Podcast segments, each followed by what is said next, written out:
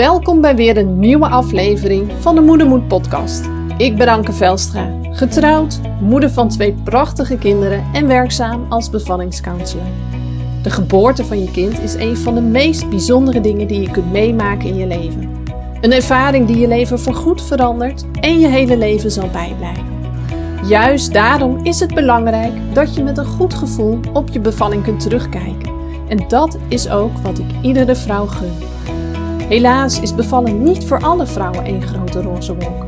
En als er één ding is wat deze vrouwen met elkaar gemeen hebben, dan is dat dat ze zich enorm eenzaam voelen in hun ervaring. Met de Moedermoed podcast wil ik voor deze vrouwen een plek van herkenning creëren door het delen van verhalen van moedige moeders over bevallingen die anders liepen dan verwacht. Expert-interviews en tips en inzichten vanuit mijn werk als bevallingscounselor en als ervaringsdeskundige. Ik wens je veel luisterplezier, herkenning en mooie inzichten toe.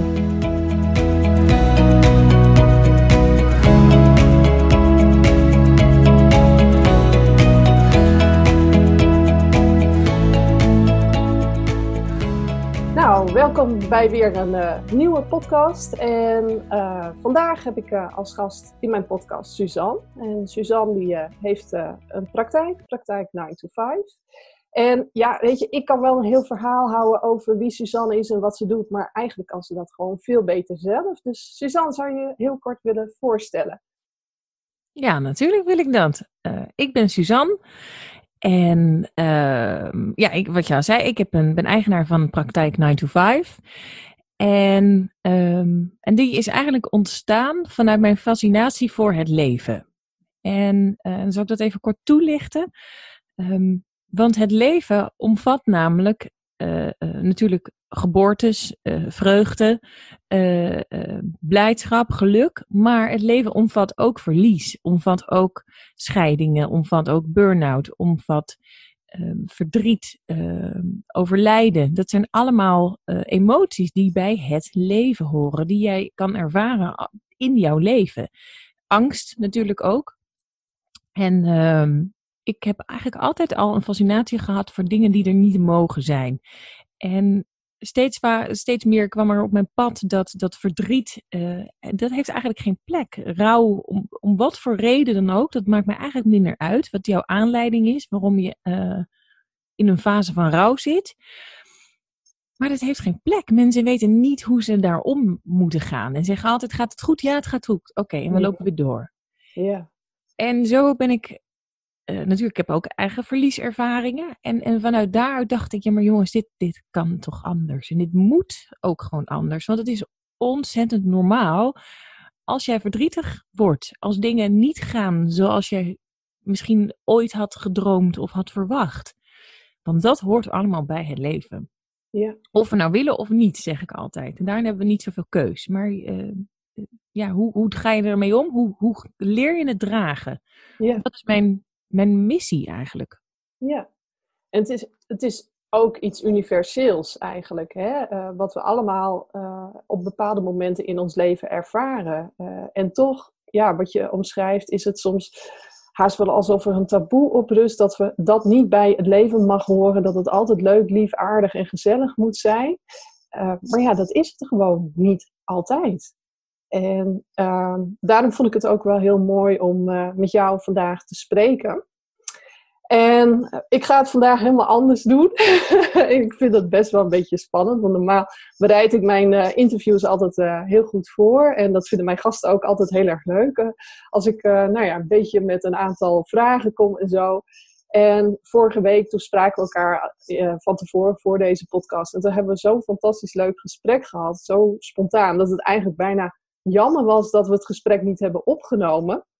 En uh, dus we hadden het idee om dat gewoon nu weer te gaan doen. Een spontaan gesprek over het leven, over alles wat erbij hoort, het moederschap, uh, de kwetsbaarheid daar ook in. Uh, dus ja, we gaan het gewoon zien. hey, en je vertelde al van ik heb ook in mijn leven te maken gehad met, met verlieservaringen. En één zin op jouw website die prikkelde mij enorm toen ik hem las. Ik ben moeder van vier kindjes, maar helaas kan ik er maar twee s'avonds in bed stoppen. Dat was zo'n prikkelende zin. En ik heb zelf niet het verlies van kinderen meegemaakt, maar ja, die raakte me direct in mijn hart. Ja, heel mooi. Ja, die, ehm, die heb ik er natuurlijk ook heel bewust zo opgezet. Um, ik heb twee, eh, twee kindjes uh, hier waar ik voor kan zorgen. En voor uh, dat mijn zoon geboren werd, heb ik een miskraam gehad. Eigenlijk mm -hmm. al nadat ik positief had getest. Uh, ja, ja ik, voor mij is het eigenlijk misschien een vruchtje, maar dat, dat doe ik natuurlijk ook veel in, niet eer aan. Um, maar verloor ik het eigenlijk gelijk weer. En, um, en dat was natuurlijk zo'n ervaring. We hebben de ene dag waren we super blij en de andere dag moest je, werd je gedwongen het los te laten. Ja. En um, gek genoeg was dit wel een. Ik heb deze miskraam echt als een. Als misschien het grootste cadeau uh, uh, ervaren wat ik ooit heb gekregen. En dat zal ik uitleggen. Um, mijn man die wilde eigenlijk nooit kinderen. En uh, dit gebeurde toen wij elkaar eigenlijk net vier maanden kenden. En uh, natuurlijk helemaal niet, niet bedoeld, of noem het maar. Um, en op, ergens was ik dus achteraf een beetje opgelucht dat, dat, dat uh, voor mij, ik praat met, met dit, dit kindje, ik noem het ook gewoon een kindje, uh, in de haarvorm. Geen idee of dat zo was, maar voor mij voelt dat zo. Mm -hmm. um, dus ik was eigenlijk wel blij dat zij zich eigenlijk alleen maar aandiende en, en eigenlijk niet bleef zitten. Uh, want ik wilde eigenlijk heel graag nog op reis met, met nu mijn man, maar toen natuurlijk nog niet. Um, avontuur maken. En, en mijn man, die was verdrietig. En die realiseerde zich, maar met jou willen kinderen, dit is wat ik wil. En ja. daardoor dacht ik van, wow, een groter cadeau um, heb ik gewoon niet kunnen krijgen. Want uh, door het aandienen van haar, um, heb ik ook mijn zoon gekregen. Ja. Omdat zo helder was dat wij dit samen gingen doen. Ja. En of, je, of het dan lukt, dat weet je nooit. Maar bij ons uh, was het dan wel gelukt. Um, en zo eigenlijk. En uh, het andere kindje, die uh, is ook eigenlijk vrij pril in de zwangerschap.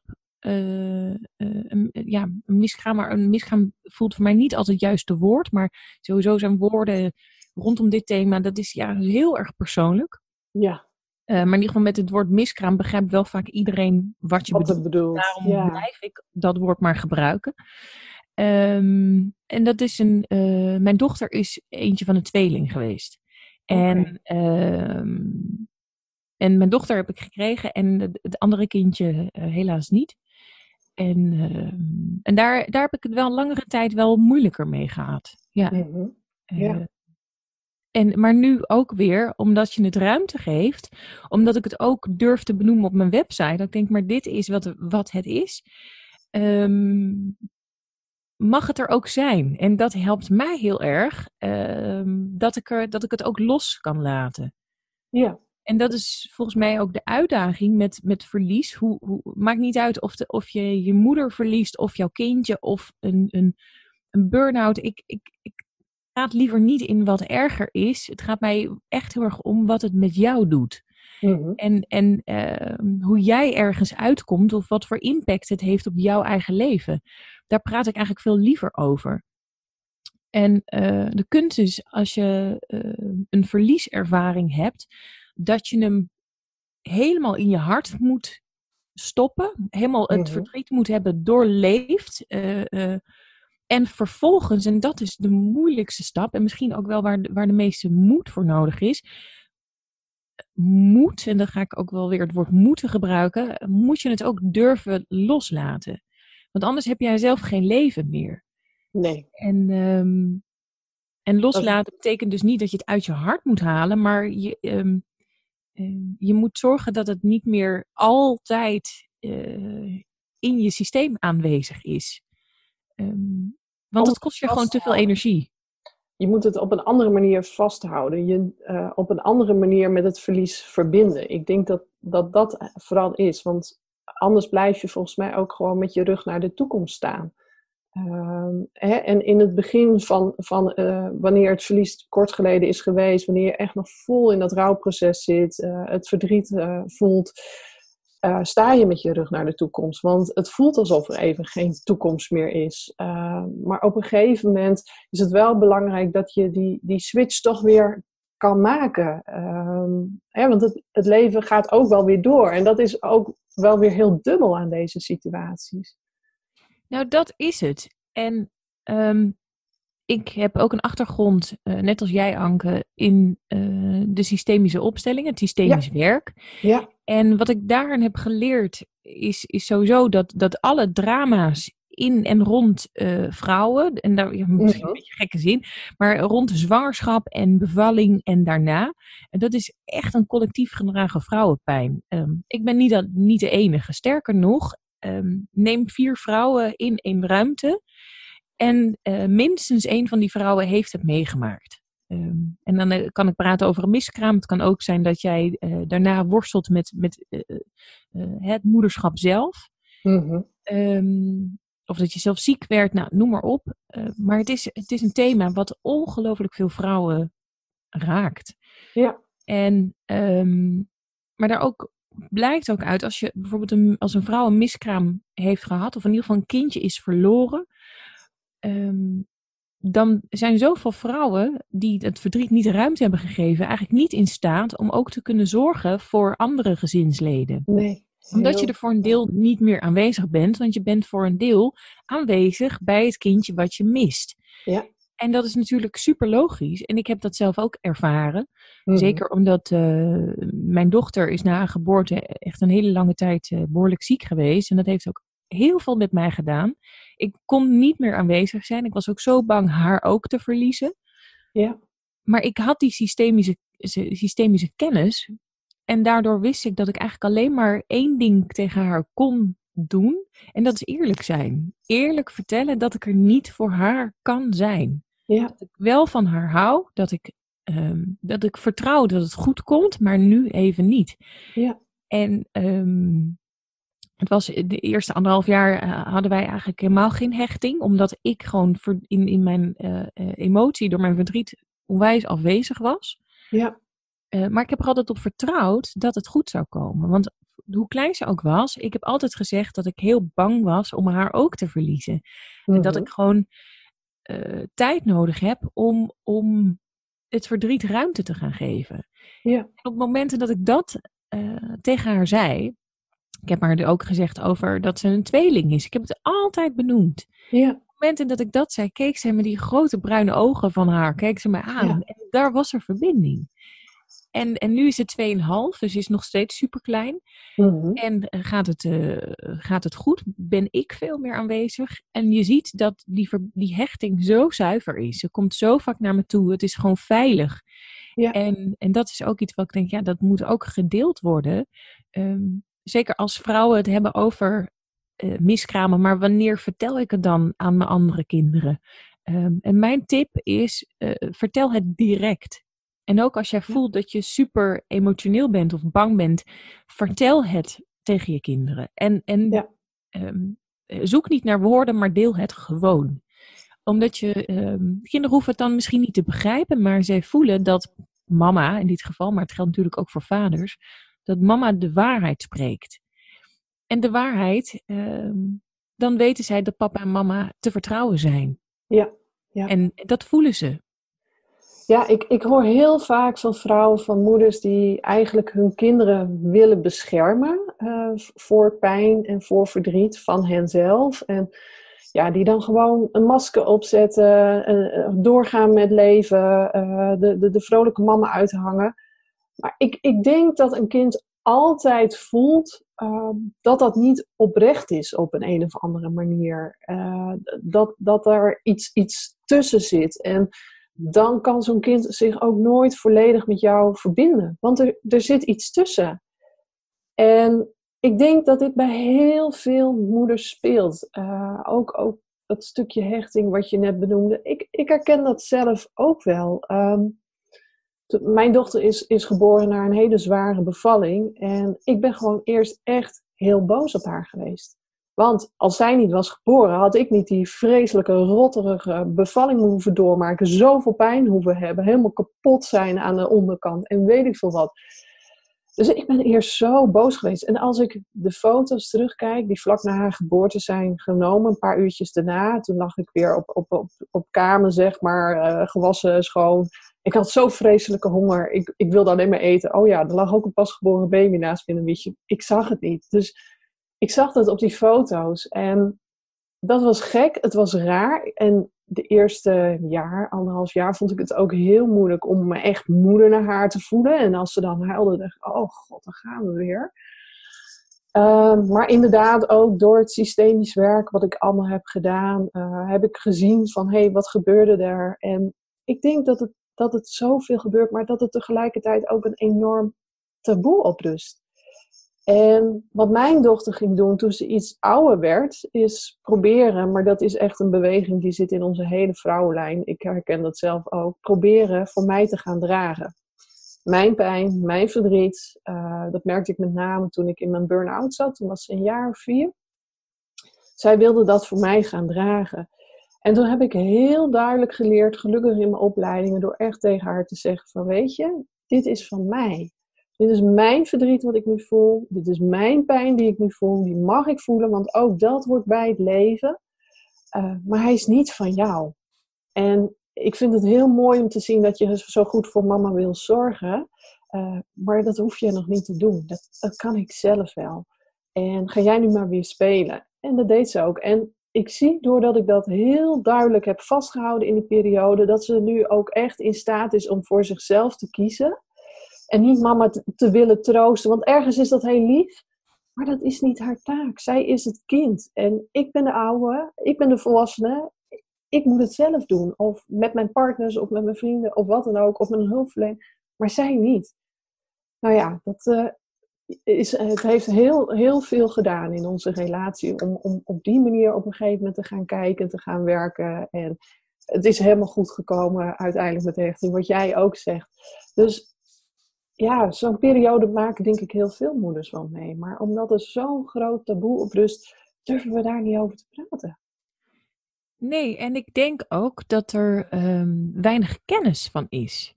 Ja. Het is ook nog een onderwerp waar, waar de kennis nog vrij beperkt is eigenlijk. Want wat, ik heb ook um, eigenlijk, als ik heel eerlijk ben, tot twee jaar geleden uh, nog altijd voor mijn moeder gezorgd.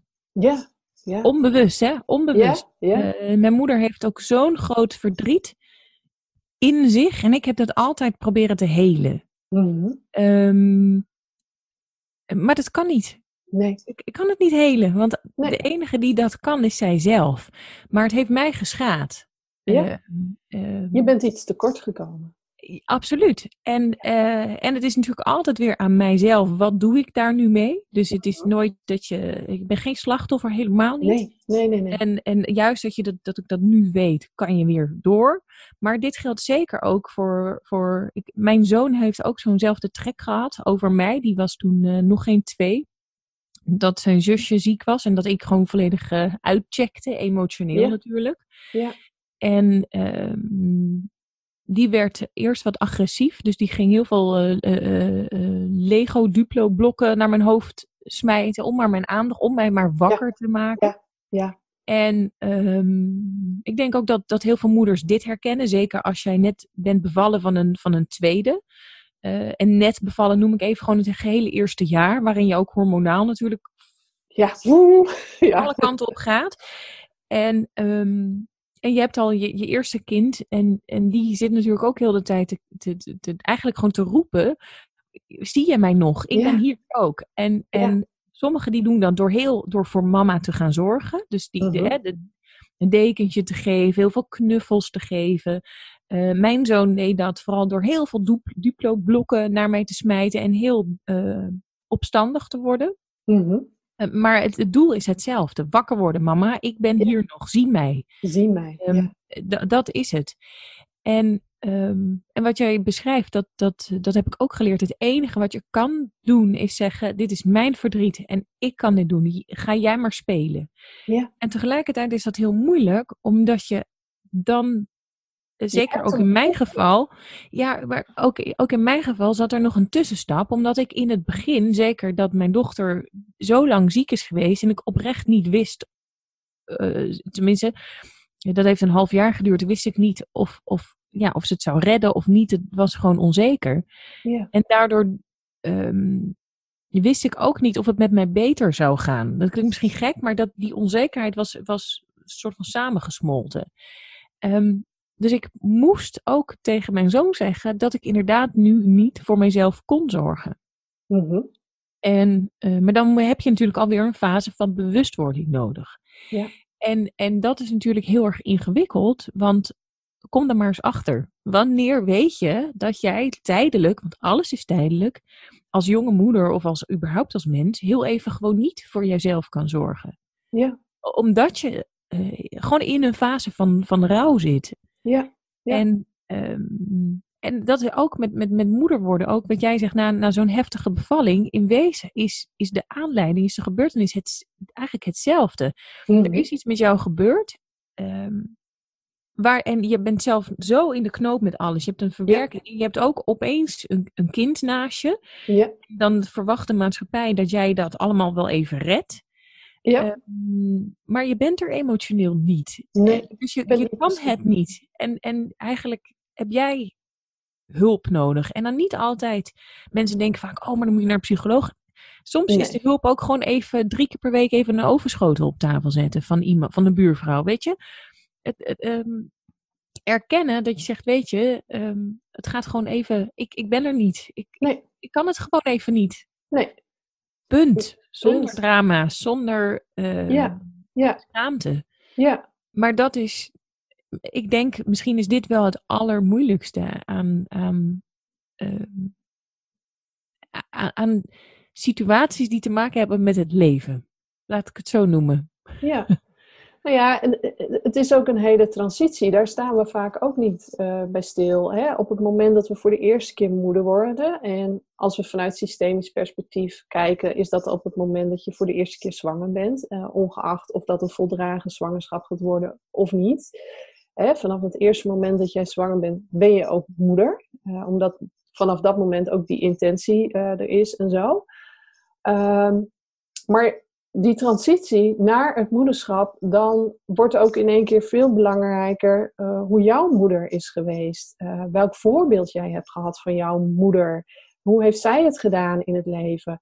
En eigenlijk ook nog generaties ervoor. Want als ik kijk in mijn hele vrouwenlijn, zeg maar, dus moeder, oma, overgrootoma, verder ben ik niet gegaan, want daar, daar weet ik gewoon niet meer van. Dat kan ik niet achterhalen. Maar al deze vrouwen hebben als kind een, een, een tekort van hun eh, moeder ervaren. Doordat hun moeder emotioneel eh, eh, afwezig was door een bepaalde gebeurtenis in hun leven. En of dat nou het verlies was, of het zorgen voor een, een, ziek kind, of eh, eh, anders wat. Ze herkennen het allemaal. En doordat het zo sterk verweven zat in onze moederlijn, deed ik dat ook. En wat we eigenlijk proberen is dat tekort wat we als kind hebben ervaren van onze moeder, eh, proberen te vullen met onze ei- liefde van ons eigen kind. En dat, dat gaat gewoon niet. Die, dat kan nooit meer gevuld worden. En dat was voor mij zo'n bewustwording eh, toen ik dat realiseerde, dat ik dat ook aan het doen was. eh, dat ik op dat moment ook Ik de ook. keuze. Jij ook, hè? Ja Ik ook. dat je de keuze kon maken om het anders te doen. En daar heb je natuurlijk ook opstellingen natuurlijk mee gedaan. Dat heb ik ook gedaan. eh, om daar meer inzicht in te krijgen. Om daar stukken in te helen. En we praten nu over onze moeders. Oh, ze hebben slecht voor ons gezorgd. Eh, maar dat is niet hoe wij vanuit systemisch werk naar moeders kijken. Weet je, ouders En geven... ze hebben ook niet slecht, ja precies, ze hebben ook niet slecht voor ons gezorgd. Zij Nee. hebben geroeid met de riemen die zij hadden. Ja, Als ze hebben gegeven wat ze hadden wat te geven. hadden. Wat zij ook hebben gekregen, wat jij net Ja. ook zegt. En ik herken dat, ik heb zo'nzelfde lijn. Ja, En het loopt ook verder door. ja, En ik snap zo goed dat op het moment dat mijn moeder geen liefde heeft kunnen krijgen, ook weer met, er zijn allemaal redenen voor. eh, Ja. Zonder schuld aan te geven, zonder boosheid. ja, Hoe, hoe zou, zou zij dan in staat zijn om dat aan een ander door te geven? ja, Eigenlijk nog, hoezo zou zij dan in staat zijn om dat aan zichzelf te geven? Want dat is waar het over gaat. Je moet het niet zozeer aan een ander geven, je moet het aan jezelf kunnen geven. Ja. En vanuit daar kan je het weer aan een ander geven. Ja. ja. Maar dat is, ehm, ik wil bijna zeggen, het, het, liefde geven en kunnen ontvangen. ehm, misschien is dat wel een vaardigheid. En ik, ik zeg ook even bewust het woordje misschien.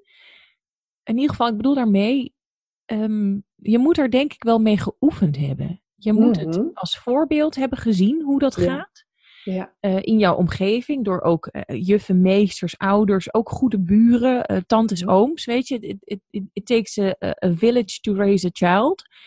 Ehm, dus het gaat verder dan, dan alleen je ouders. Maar, en je moet denk ik ook hebben gezien en ervaren hoe het is als je geen liefde krijgt of kan geven naar iemand. Ehm, Mhm. en het is oprecht oefenen. Maar als je dat nooit hebt kunnen oefenen, door inderdaad door ziekte, door verlies, door echtscheiding, door, nou, noem het, oorlog, hè, dat zit natuurlijk ook echt in ons Ja. systeem. Want dat is Ja. hè, nog maar 75 jaar geleden. Dus ja, onze grootouders, die, die hebben dat natuurlijk allemaal gewoon in, in hun zakken eh, zitten. Zeven generaties, toch? Eh, ja, zeven generaties gaan dit gaan dingen allemaal terug. Nou ja, moet je kijken wat voor wereldoorlogen er in het Westen plaats hebben gevonden de afgelopen jaar. En eh, dus het is ontzettend logisch en misschien ook heel erg normaal dat, dat eh, liefde niet altijd kan stromen. Ehm, Ja. En dat komt nooit uit opzet. Nooit. Nee. En vroeger ging men ook heel anders met dit soort thema's om. Ehm, ik weet dat mijn vader een van zijn broers is verloren op hele jonge leeftijd. Maar daar werd eigenlijk niet over gesproken. En wat er vaak gebeurde, dat het, het kind wat erna kwam, en als het hetzelfde geslacht was, kreeg het vaak ook nog dezelfde naam. Nou ja, jij weet net zo goed als ik dat er systemisch dan heel veel lading op zit op zo'n kind. Want eigenlijk moet hij het, het leven voor twee leiden op dat moment. Eh, en dan zie je ook vaak wel dat daar het een en ander gebeurt. Eh, vaak zijn ze dan zieker of zwakker of eh, noem maar op. Eh, dus ja, men ging ook anders op met dat soort thema's. Terwijl dat ook toen was, niet alleen nu. En dat voorbeeld hebben wij natuurlijk ook meegekregen van hoe, hoe deden onze ouders dat? Hoe gingen die met dit soort thema's om als dat in het leven verscheen? En soms kun je dan als kind ook het gevoel hebben van, ja, maar ik ga het echt niet zo doen als mijn moeder het deed, want eh, dat vind ik niet goed. En hoe meer je daar eigenlijk tegen afzet, eh, ontken je eigenlijk ook een stuk van jezelf. Want je bent voor de helft je moeder en je bent voor de helft je vader. En tegelijkertijd, op een gegeven moment kom je dan, hoe meer je er tegen afzet, ook tegen het besef van, bedoel, ik lijk toch eigenlijk best wel heel erg veel op haar. Nou, het is de wet van aantrekking. Ja, Ehm, als je zoveel energie stopt in, in het niet, eh, Ja. dan maak je het een heel groot onderdeel van je leven. ja, Ehm, en ik ik kan de wet van aantrekking, ik ben daar nu volop aan het bestuderen, dus ik durf hem eigenlijk nog niet helemaal eh, uit te leggen, zo- zoals het ook gaat met, met niet. Maar het Ja. gaat wel in de mate van in, in hoeverre je ergens aandacht aan geeft. En als je dus heel, veel, heel erg druk bent, dus ook met, met de miskraam die je hebt gehad, om daar helemaal nooit ruimte voor, eh, voor te Mm. maken. Of het- doorgaan. Nogmaals, het geldt, ja, het geldt voor, voor elk verdriet. Eh, abortussen wil ik ook eh, hierbij noemen. Ehm, eh, dat worden, is natuurlijk een enorm taboe. Wordt Ja. enorm graag weggestopt, want dat is er nooit geweest. Maar hoe meer je, je je aandacht geeft aan het is er nooit geweest, hoe groter het er is. Omdat Ja. daar gewoon, je voedt het continu. Ja, ja. En, ehm, en blijft het ook altijd. En, ehm, en dat, dat, dat geldt met alles. Het geldt ook over, ehm, over vrouwen die, die een hele nare bevalling hebben gehad. Eh, en, eh, maar we, ach, het is geweest en ik mo- moet toch heel erg blij zijn, want ik heb een gezond kind. Dan Ja. ontken je eigenlijk Dat is heftigheid van het begin. Ja. En dan krijg je die klap altijd weer terug. Ja, Het is een soort van boemerang. ja, En, en roep ik dan op om, om, om massaal eh, elke gebeurtenis helemaal te doorleven? Dat weet je, dat, dat is niet wat ik bedoel. Ehm, maar ehm, het is wel goed om, om sta er eens even bij stil. Weet je, wat heeft het met je gedaan? Schrijf het een keer op. Ja. Eh, wat ik zelf altijd eh, vrouwen, ik, ik coach voornamelijk vrouwen, ook mannen overigens, die, rondom deze thema's, maar voornamelijk vrouwen. Mhm. Wat ik altijd aanraad is, is koop iets wat resoneert met jouw gevoel van dit stukje verlies of dit stukje verdriet. En zet dat gewoon ergens neer. En, en, en dat vind ik voor nu zie ik daar. Het wordt steeds populairder. Maar ik zou daar heel graag even een beetje kritisch mee, mee een kritische noot aan willen geven. Omdat het wordt nu bijna een commercie. Mm Sterrenkindjes wordt ook is bijna een merknaam. En dan kunnen we daar allemaal producten voor kopen. Ehm, maar dan, als je het weer zo'n grote plek in jouw leven geeft, kan je het ook weer niet meer loslaten. Dus dat lijntje tussen iets kopen wat resoneert met jouw gevoel aan die gebeurtenis, of uh, die, die hele commercie en, en maar alles in huis halen. Um, ja, dat, dat kan elkaar ook nog in, in de weg zitten. In hoe jij er weer uiteindelijk mee omgaat. En nog, ik zeg dit wel met, met een voorzichtigheid in de zin van. Ja, maar ik vat ehm, hem wel, wat je, wat je bedoelt. Kijk, als je het ehm, heel groot bijvoorbeeld in je woonkamer neerzet. Uh, iedere keer dat je in die woonkamer komt, zie je het en is het er. En als je. Ik had het bijvoorbeeld uh, ja, ik zal het proberen te omschrijven aan, een, aan de hand van een voorbeeld van mezelf. En door die heftige bevalling die ik had meegemaakt, al die pijn die ik had. En ik wist, ik, ik ben daarna drie keer met spoed op de OK beland. Uh, ik heb een enorme bloeding gehad in de auto. En ik wist ook nog dat de kans op herhaling daarvan in een volgende zwangerschap heel groot zou zijn. Dus uh, ik was gewoon vreselijk bang om opnieuw zwanger te raken. Uh, maar er was nog wel een hele grote kinderwens. En die heb ik altijd weggestopt. Maar al die babyspullen hebben hier jarenlang op zolder gestaan. Voor ooit. En iedere keer als ik hier op zolder kwam om de was op te hangen, uh, dan zag ik die babyspullen staan. En dan voelde ik zo'n pijn in mijn hart van, uh, shit, weet je, eigenlijk wil ik dat nog heel graag. Uh, daar zat zo'n verdriet en pijn. En ik, ik heb dat natuurlijk jarenlang weggestopt. Um, dus wat je zegt, dat, dat herken ik wel. Um, nu, met, met wat er nu is gebeurd, en daar, daar kijk ik natuurlijk heel anders op terug. Maar ik ben bijvoorbeeld wel mijn baarmoeder verloren, wat voor mij echt een enorm verlies is geweest. En daarmee ook mijn aan, ja, nog aanwezige kinderwens. Maar nu, ik heb dat helemaal doorleefd en dat, dat was heel heftig. Um, ik moest ook eerst erkennen uh, dat het zo was. Want eh, ik had nog echt die kinderwens. Oh man, ik was al bezig met Amerika met uh, transplantaties en weet ik veel wat in mijn hoofd. Omdat ik niet wilde erkennen dat de situatie was zoals die was. Dus uiteindelijk heeft mijn, uh, mijn docent van de opleiding systemisch werk, die heeft daar met me opgewerkt van ga het eerst maar eens hardop zeggen en erkennen dat het zo is. En dat heeft wel heel veel gebracht om te accepteren ook dat het zo is. Maar ik heb het nu wel op een gegeven moment, toen ik het doorleefd heb, heb dingen weggestopt. Ik heb bijvoorbeeld foto's van mijn baarmoeder toen hij eruit was. Nou, dat ziet er niet uit. Het is helemaal zwart van binnen, allemaal bloed. Dat wil je niet weten.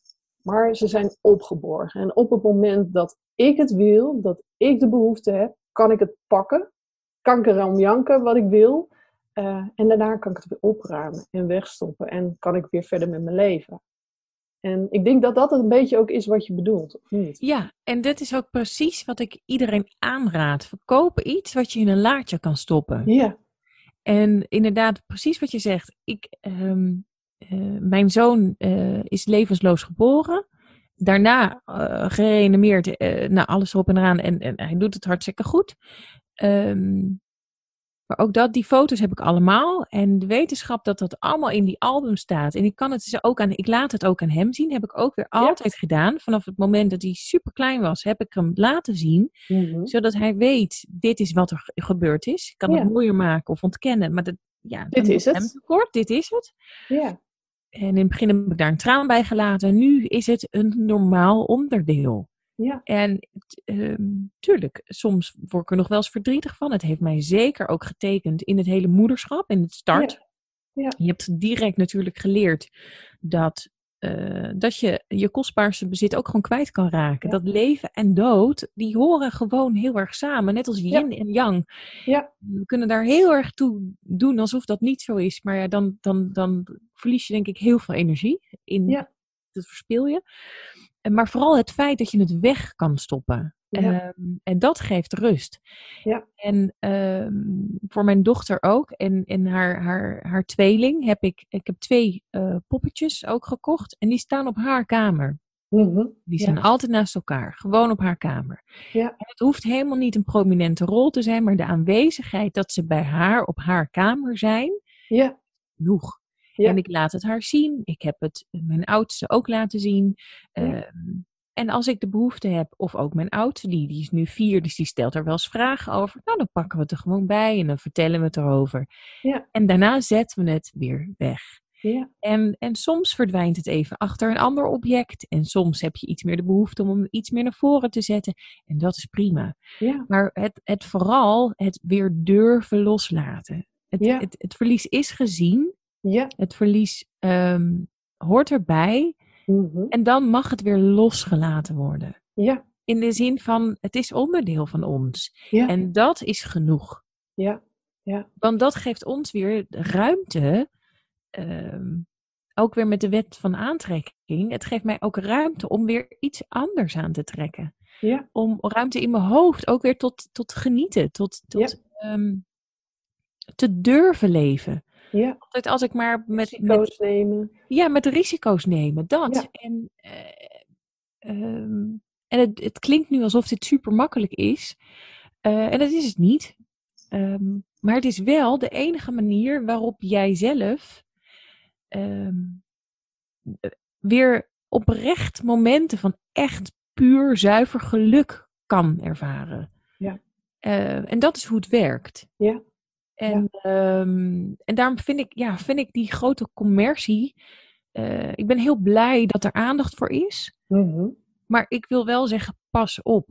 Ja. Met, met welk doel haal jij iets in huis? Zodat iedereen kan zien wat jij hebt meegemaakt. Dan ga ik heel hard zeggen, dat is, jou, dat is niet helpend. Dat is echt niet helpend. Nee. Voor jou. Nee. Voor jouzelf hè, heb ik het dan over. Dat is niet helpend.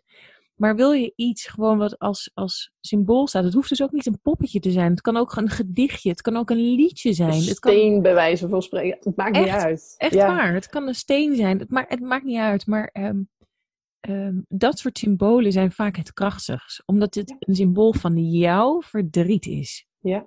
En, ehm, en daarmee gaat het jou ook helpen. Ja.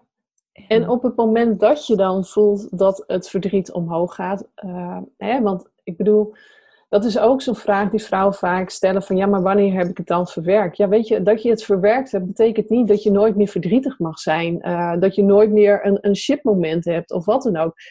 Weet je, dat gebeurt en dat hoort er nog steeds bij. Het, wanneer je het verwerkt hebt, bepaalt het niet meer volledig je leven. Eh, kun je verder, kun je door en mag het er zo nu en dan gewoon nog zijn. Ik bedoel, dat heb jij, dat heb ik ook. En. Maar toch hebben we het verwerkt en kunnen we weer Nou, verder. ik spreek eigenlijk liever niet over het woord verwerken. Ja, nee, In de zin van, ehm, het is klaar of zo. ja, ik, Ja. ik- eh, wat is voedselverwerk je? Weet je? Eh, ja. Ja. Ja, dat is misschien heel gek. Ja. Dan, dan, ehm, maar ik, ik heb het liever over wanneer je het gewoon met je mee kan dragen. Ja, Zonder dat het jouw energie kost. ja, Dat is ook een, een, eh, wat mensen denken, dat, je al, dat verdriet heel veel energie kost. Maar dat is helemaal niet waar.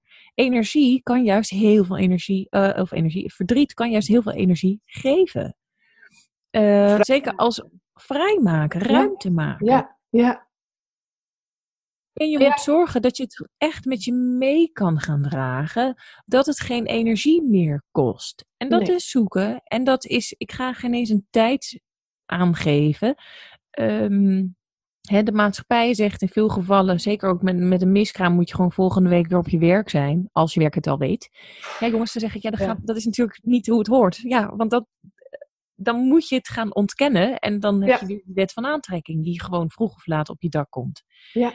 Ehm, en dat geldt eigenlijk ook überhaupt met, met moeder zijn. en je drie maanden de tijd hebt om eraan te wennen en je moet weer gaan werken. Tuurlijk, het is soms ook even fijn om even adem te halen, omdat het zo heftig is. Daar ben ik helemaal mee eens. Maar gelijk kan ik zeggen, we zijn op ons werk dan na drie maanden allemaal niet zo vreselijk productief, hè, vrouwen. Eh, Dat komt nee. vanzelf. Maar Ja. niet na drie maanden, weet je. Dus er is gewoon tijd voor nodig. Ja. Er zijn heel veel tranen voor nodig. Ja, ja. Ehm, en en het, het het maakt ook helemaal niet uit hoe lang. En, en er zijn altijd misschien weer periodes. Eh, Soms hoor je de vrouwen dat het in de eh, in de maanden dat het, dat het zich eh, eh, heeft afgespeeld, en dan bijvoorbeeld een jaar of, of drie jaar later, dat het in die maanden, dat de hevigheid weer wat toeneemt. Mm Geef jezelf daar de ruimte voor. Weet je, dat maakt echt helemaal niks uit. Het is ontzettend oké. Het is ook heel normaal. Ja. Maar ehm, sta jezelf ook toe dat er misschien een keer een jaar voorbij komt waarin het in die maanden niet erger wordt. Nee. Dat je misschien een keer een jaar voorbij gaat en je denkt, oh verrek. Ik heb vorige maand, vijf jaar geleden, had ik die miskraam, maar ik, heb ik ben er eigenlijk helemaal niet mee bezig geweest. Nee. Dan voel je niet schuldig, want dat is gewoon een teken dat, dat je het op een bepaalde manier met je mee hebt gedragen. Ja. En, en ehm, wees niet bang. Um, nee. Kindjes, dat is ook systemisch. Dat, ik weet dat jij dat ook hebt geleerd. Ehm, iedereen alle mensen die er niet meer zijn, tenminste niet uh, fysiek aanwezig zijn, mm die eer je het meest op het moment dat jij verder gaat met leven. Ja. En die doe je, en dat is ook heel hard wat ik nu ga zeggen, maar het is wel de waarheid, die doe je bijna tekort op het moment dat je aan hun blijft hangen. Ja, eigenlijk met hen mee wil gaan, de beweging maken van ik ga jou volgen in de dood. Want dat exact. zie je gewoon heel veel. Ja. Uh, en dat is heb ik ook gemaakt overigens. Hè? Het is een heel normale beweging. Ja, ja, nee, het is heel normaal, zeker. En het gebeurt ook heel veel, alleen we hebben het daar nooit over. Nee. En um, dat was dus ook een van de dingen die ik voorbij kwam um, na de geboorte van mijn tweede kind. Uh, hè, die, dat heb ik bijna niet overleefd. Ik, uh, ik heb 5,5 liter bloed verloren in hele korte tijd. En uh, ik heb 28 uur uh, in slaap op de IC en op de OK gelegen aan de beademing.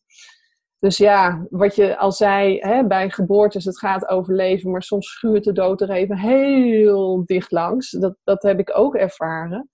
En op een gegeven moment merkte ik dat ik op een punt kwam dat ik, dat ik daarin niet, niet verder kwam. En uh, ik, ik ging toen naar mijn docent ook toe voor, voor een coachinggesprek en opstelling. En ik kreeg toen ook de vraag van ja, waar ben je nu eigenlijk mee verbonden? Met het leven of met de dood? Ja, het eerste wat ik zei was gelijk ja, het leven. Ja, nee, niet de dood. En ik kwam later thuis en er ging een paar dagen overheen. Ik dacht, oh verrek, ja, ik weet het wel. Ik, ik ben verbonden geraakt met het stuk dood. Ik ben daar nog zo mee bezig dat ik bijna dood ben gegaan. En oh, wat zou dat dan hebben betekend voor mijn gezin? En hoe... Dus ik moest ook echt die, die, die omkeer weer maken om de dood weer los te laten. Terwijl die onlosmakelijk verbonden is met het leven. Eh, en de beweging weer te maken naar het leven. En je vertelde net ook al over, over foto's die je hebt, hè? ook heftige foto's. Ehm, ik heb dus ook een foto van mezelf uh, dat ik op de IC lig aan de beademing, allemaal slangetjes en weet ik veel wat. Uh, ik was er niet bij. En heel vaak willen we van dat soort situaties geen foto's maken, want het zijn zo'n heftige momenten. Maar het is voor mij later zo ontzettend helpend geweest om die foto te hebben. Ik heb er twee. Ik heb laatst ook eentje uh, op mijn Instagram uh, uh, gedeeld. Toen was ik weer bij, gelukkig. dus die durfde ik wel aan. En lag mijn zoon ook voor het eerst na 28 uur weer bij me.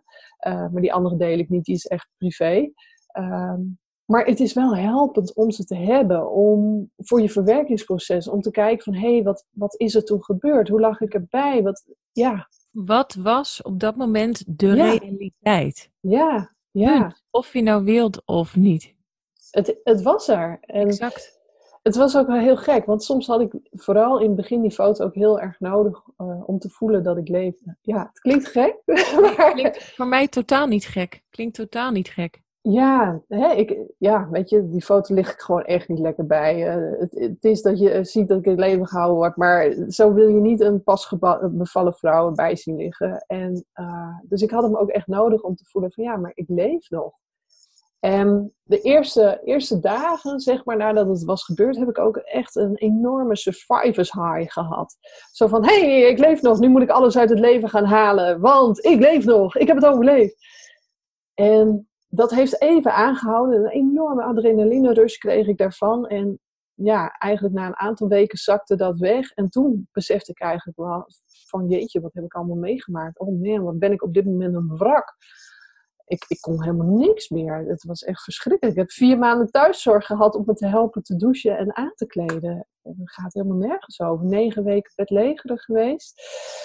Nou ja. Nou, je, je was 5,5 liter bloed verloren, hè? dus het, Dus ja. Ook dat is heel normaal.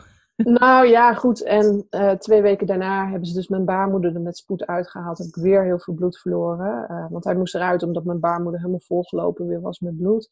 Uh, toen ontdekte ze ook nog dat ik longembolieën had opgelopen. Ik had allemaal stolsels in mijn buik. Dus oudejaarsavond hebben ze toen nog een paar dagen na de baarmoederverwijdering een, een kijkoperatie gedaan. Mijn hele buik leeg moeten spoelen.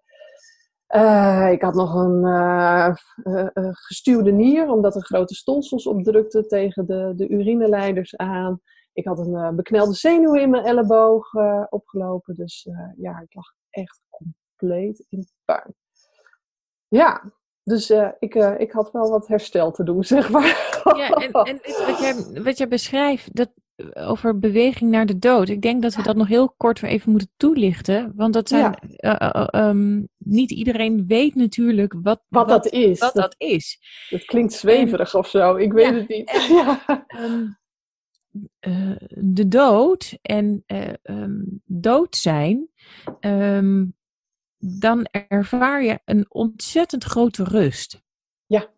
En als je dood bent, dan is er eigenlijk niks meer behalve rust en een soort van vriendelijkheid. Veel liefde ook. Mm-hmm. Um, hoe, hoe weet ik dit? Ik ben niet dood geweest, maar dat weet je ook uit opstellingen. En iedereen die wel eens een keer een, een, uh, iemand heeft gerepresenteerd die eigenlijk al overleden is, die, gaat, die zal dit zo omschrijven. Mm-hmm. En ook alle, al onze leraren uh, die ons dit hebben geleerd, zullen dit allemaal zo omschrijven. Er zijn ook veel boeken over geschreven.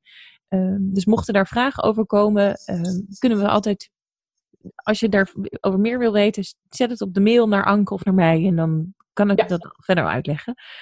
Maar het leven, eh, we denken vaak leven dat is leuk en de dood is, is eng. Maar het is eigenlijk precies andersom. Het leven zit vol angst. Het leven zit vol verlies. Het leven zit uh, natuurlijk ook, er zijn ook momenten van geluk. Maar het is eigenlijk andersom. Dus eigenlijk is het leven veel spannender dan de dood. En daardoor zie je dat er heel veel mensen, zeker na nare situaties, bewegingen naar de dood maken. En nee, dat betekent niet dat je dood wilt. Dat betekent nee, nee. ook niet dat je dood gaat. Nee, je bent niet suicidaal of zo nee, hoor. Absoluut. Nee, nee. Uh, maar het gaat erom dat je, uh, uh, dat je uh, soms zo moe bent van alle indrukken dat je even in je bed blijft liggen, et cetera, et cetera. Uh, en dat is helemaal oké. Okay. Uh, mm-hmm. Omdat je ergens weer de moed moet gaan verzamelen om weer te durven leven. Ja. En dus weer in aanraking te komen met weer nieuwe momenten van verlies, met nieuwe momenten van angst. Maar dus ook met nieuwe momenten van geluk. Ja. En dat is, daarom ja, heb ik het in mijn praktijk ook echt heel erg over, over ervaringen met het leven. Um, want als, als je niet meer leeft, heb jij heel andere ervaringen. Ja. En die zijn veel rustiger, veel relaxter. En, en ik wou ook heel graag dat mensen dit meer gaan voelen.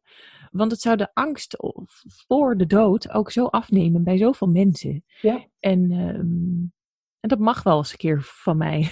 Ja, ja. Want, ja jongens, het hoort er nou eenmaal bij. En, Ja. en, uh, um, ja, en dan zeg ik altijd weer hoe graag we ook willen van niet. Ja, ja. Maar ja, het, hè, en dat, dat, hadden we in het vorige gesprek dat we hadden ook al over gehad. Dat op het moment uh, dat je het leven geeft, bijvoorbeeld aan een kind, weet je ook uh, dat dat leven ook ooit weer ergens zal stoppen. En dat is natuurlijk heel raar. En als ouder zijnde hoop je ook dat dat moment ligt na het moment dat je zelf bent gegaan. Uh, maar het is wel zo. En soms en kan zekerheid heb je niet. Je hebt geen idee. Nee, nee. En soms kan het beklemmend voelen. Aan de andere kant is dat ook wat het is. Alles wat ooit het leven krijgt, gaat ook ooit weer een ja. keer dood. Kijk, met de natuur. Dat in mijn praktijk maak ik steeds meer de vergelijking en ook de koppeling naar uh, het leven in de natuur. Gewoon naar hoe bomen groeien, hoe, hoe ja. beesten uh, dragen, uh, baren, noem maar op. Wij, wij mensen zijn ook onderdeel van de natuur. Ja. ook al zijn we dat in het Westen met z'n allen ongelooflijk vergeten. En, um, en nee, ik bedoel dat niet zweverig. Ik ga niet met je naakt rond een kampvuur heen dansen.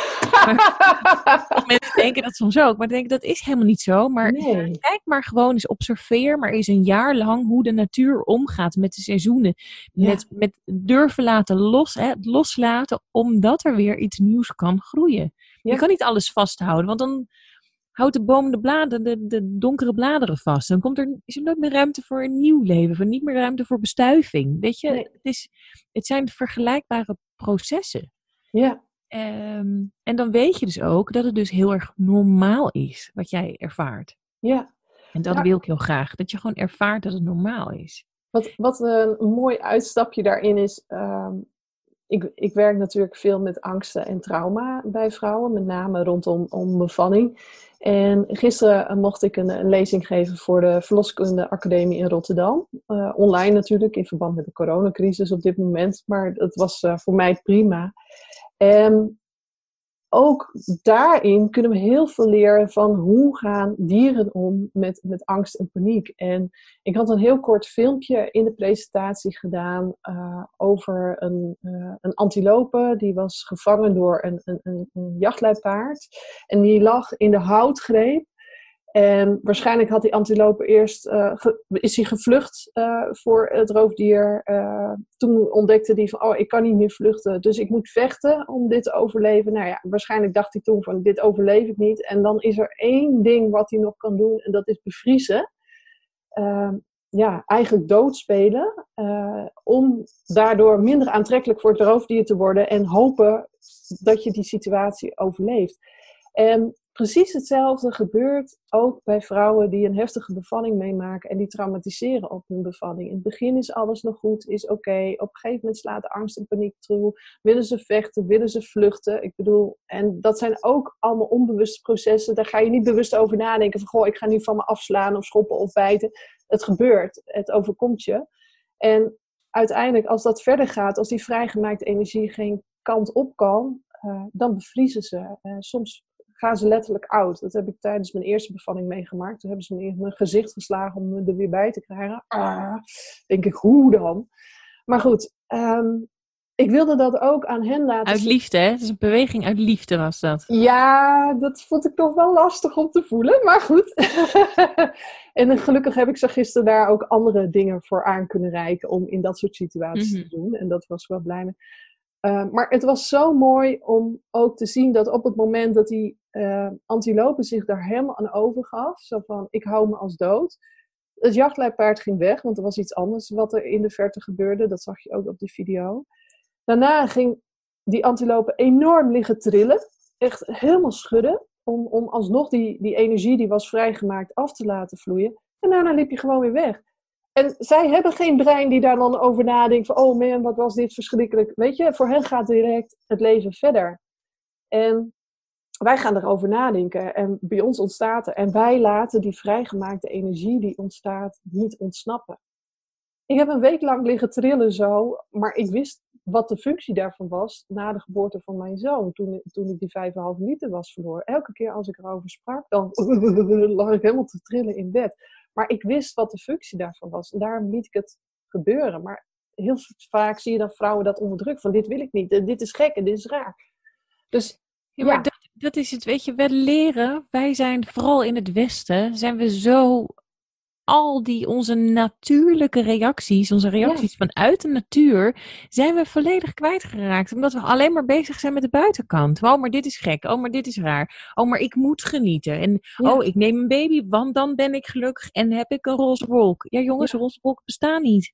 Nee. En ook niet een beetje wel. Ja, het spijt me, maar uh, het is een illusie. Ja. En, en we, we zijn al, we, we leren het ook onze kinderen. Um, als mijn zoon die zat, zit net vanaf januari op de basisschool. Uh, nu natuurlijk is hij even thuis. Um, maar uh, dan vraag ik ook, was het leuk? En toen dacht ik, dat is eigenlijk gek. Ja, waarom, waarom vraag ik niet? Zijn? Ja, waarom vraag ik niet? Was het stom vandaag? Ja. Of was het leuk? Hele andere vraag. Met ja. andere woorden, we leren dus al vanaf, laat ik even zeggen, vier jaar, dat Mhm. dingen leuk moeten zijn. En dat leren we volledig onbewust.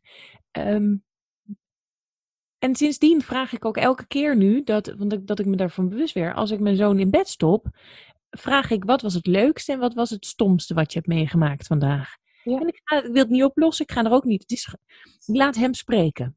Het is er. Ik reageer daarop, mm, ik knik, maar ik wil vooral dat hij eh, ehm, mag leren dat, dat stom en leuk samengaan. Ja. En dat je dan ook nog steeds prima kan slapen. Dat Ja. het niet erg is.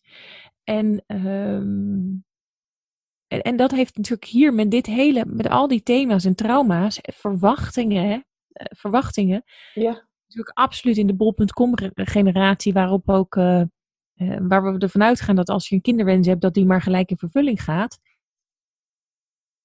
Dat is natuurlijk gewoon echt een utopie. Het is Ja. niet waar. Nee. Ehm, en dat maakt het zo ingewikkeld. Ja. En, eh, dat was misschien nog wel een onderwerp voor een volgende podcast, Anke. Verwachtingen en emoties. ja. Ja. Is een heel nieuw hoofdstuk. Moeten we denk ik nu ook niet... niet eh, Nee, nee, want als we dat gaan aanroeren nu nog, dan zitten we nog een uur. Nee, maar ook voor, voor alle jonge moeders. Het is ontzettend normaal dat je af en toe niet blij bent. Het is ontzettend normaal dat je ook af en toe niet blij bent met jouw kinderen. Maar besef, dat komt dan niet door jouw kinderen. Het komt dan door iets in jouzelf. Of je bent super moe, hè? je hebt misschien drie weken niet geslapen en je kind huilt. Super normaal dat jij daar niet blij mee bent. En ik ken geen enkele moeder die dat niet hetzelfde ervaart. Ja. Ehm, weet je, dat, ehm, ik wil, zou heel graag willen naar, naar dat we ook als, als jonge moeders ehm, elkaar daarin ook ondersteunen. Dat we niet gaan vragen aan elkaar: Oh, wanneer was jouw kind zindelijk? Oh, hoe lang heb jij borstvoeding gegeven? Weet je, het is namelijk niet belangrijk. Dingen gaan zoals ze gaan. Ja. Ehm, het- het- serieus, het is niet belangrijk. Maar we, dat doen we alleen maar uit omdat we zelf zo onzeker zijn dat we eh, proberen in het venijnigen te horen of wij het wel goed doen. Daar Ja. zijn we naar op zoek. En Exact. En dat maken we gewoon, dan, dan maken we eh collega-moeders alleen maar onzeker. En, Ja. en, en gaat alles mis. Nou, En- en dat maakt de cirkel ook wel weer rond met hoe we ook zijn begonnen. Want eh, vaak komt die onzekerheid en dat soort vragen komen ook voort uit dat tekort wat wij soms als kind hebben ervaren van onze eigen ouders. Ehm, hè, dus eigenlijk vragen we op die manier om een stukje bevestiging van Bevestiging. we doen het, we doen het goed. Eigenlijk, weet je, elke moeder doet het goed. Elke moeder doet het goed op haar manier. Elke moeder geeft wat zij kan geven. En soms is dat inderdaad niet genoeg voor het kind. En heeft het kind meer nodig dan de moeder kan geven. Maar ik ga er eigenlijk van uit dat elke moeder de intentie heeft om haar kind alles te geven wat ze kan geven. En soms is dat heel veel en soms is dat niet heel veel. Eh, omdat er, zoals we in het begin ook zeiden, andere situaties spelen die eh, de moeder eh, opeisen, als het ware. Maar elke moeder zal haar kind willen geven wat het nodig heeft. Absoluut. En als dat niet lukt, als je voelt van ja, maar ik zou zoveel meer willen geven dan dat ik op dit moment kan geven, is dat ook gewoon oké om dat te erkennen en om daar eventueel hulp bij te zoeken. Nou, vooral dan is stap 1, zeg het. Zeg het tegen Ja. je kind. Ja, Zeg het maar. ja, Ik zou je zo graag meer geven, maar ik Ja. kan het niet. nee. En, En dan en- moet je kijken hoeveel je daarmee aan je kind geeft. En dan hoef je verder nog helemaal niks. To- toen, toen ik moest herstellen van onze tweede, eh, hè, dat ik zo lang bedlegerig en alles ben geweest, mijn herstel heeft gewoon echt heel lang geduurd. Eh, mijn dochter was al ouder, die was acht. Eh, die had al een heel leventje opgebouwd en die danste wedstrijden en dat soort dingen. En mama kon niet mee. En dat deed me natuurlijk hartstikke pijn in mijn hart. Dat ik niet mee kon. Ik ging altijd mee. En ik was de moeder die de make-up deed en dat soort dingen. En nu kon ik dat niet meer voor haar zijn. Maar ik heb het wel altijd benoemd. Van ik vind het ook heel jammer dat ik niet mee kan. Maar ik kan niet op dit moment. En dat heeft zij ook altijd geaccepteerd. En toen mama op een gegeven moment wel weer meer dingen kon, was dat ook voor haar heel fijn. En ja, het is zoals het is. We kunnen het niet anders draaien of ja. Nou, weet je, wij zijn alweer bijna een uur aan het kletsen. Dat is toch wel gelukt volgens mij, eh, zonder vragen, hè? Absoluut. Het is, Ja. ehm, Hierbij geldt de genezende kracht van de werkelijkheid. En dat wil ik alle moeders ehm, met of zonder zichtbare kinderen, maar wil ik alle moeders meegeven. De, er is niks zo wat krachtiger geneest dan de werkelijkheid. De werkelijkheid durven zien, zo rauw, zo bitter, zo donker of zo mooi, zoals die is. En hem omarmen. Hij hoort bij je op dit moment. Dit is hem. Ja, ja, ja. Nou, volgens mij hebben wij inderdaad nog wel genoeg stof om nog eens een keer een uh, vervolgpodcast uh, op te nemen. En uh, ja, ik denk dat wij ook wel heel erg benieuwd zijn als de mensen naar deze podcast hebben geluisterd, wat hun reacties hierop zijn. Dus ik denk dat we dat wel heel leuk vinden als je, als je durft openbaar onder de, de berichten van de podcast te plaatsen. Als je dat een beetje spannend vindt, stuur ons dan gewoon een privéberichtje of een e-mailtje. Ehm, misschien wel handig hoe ze ons kunnen bereiken. Suzanne, hoe kunnen ze jou bereiken? Je kan een mailtje sturen naar uh, eh, suzanne.praktijk9to5.nl um, En ik heb ook Instagram, maar ik vergeet mijn eigen Instagram-account altijd. Dan oh. lekker even via het account uh, van Anke. Dan zie je, zie je ook een link uh, naar mij. Ja. Um, het komt vast goed of in de stories of wat dan ook. Um, Volgens mij is het ook Suzanne met een, een 9 en een 2 en een 5. Maar volgens mij uh, is het heel dichtbij, maar ik vergeet het altijd. Ja, ja. En uh, mij kun je natuurlijk vinden op mijn website www.ankevelstra.nl. Ook op Instagram, moedermoed. En ik heb geloof ik nu net uh, met een underscore uh, bevallingscounselor eraan vastgeknoopt. maar ik denk als je zoekt op moedermoed, dan, dan vind je me vast op Instagram. Dus we zijn heel erg benieuwd ook naar jullie reacties op dit hele openhartige gesprek. En ik hoop dat je er voor jezelf weer dingen uit kunt halen. Suzanne, heel erg bedankt voor dit gesprek. Ik vond het wederom weer een heel mooi en heel fijn gesprek. Net zoals de vorige keer. En misschien moeten we er maar één keer in de zoveel tijd een gesprekcyclus van maken via de podcast of zo. Dat zou mij wel heel, leuk lijken. Heel leuk. Daar gaan we het nog wel even samen over hebben. En nou ja, voor de luisteraars bedankt voor het luisteren en heel graag tot de volgende podcast. Heel erg bedankt voor het luisteren naar deze aflevering van de Moedermoed podcast. Vond je deze aflevering interessant en waardevol? Maak van deze podcast dan geen goed bewaard geheim. Bijvoorbeeld door een screenshot te delen via social media of stories en mij daarin te taggen, of door een review achter te laten op Apple Podcasts. Daardoor wordt de Moedermoed podcast nog beter gevonden en kan ik zoveel meer vrouwen bereiken en ondersteunen die zich nu eenzaam voelen in hun bevalervaring. Dankjewel alvast en heel graag tot de volgende podcast.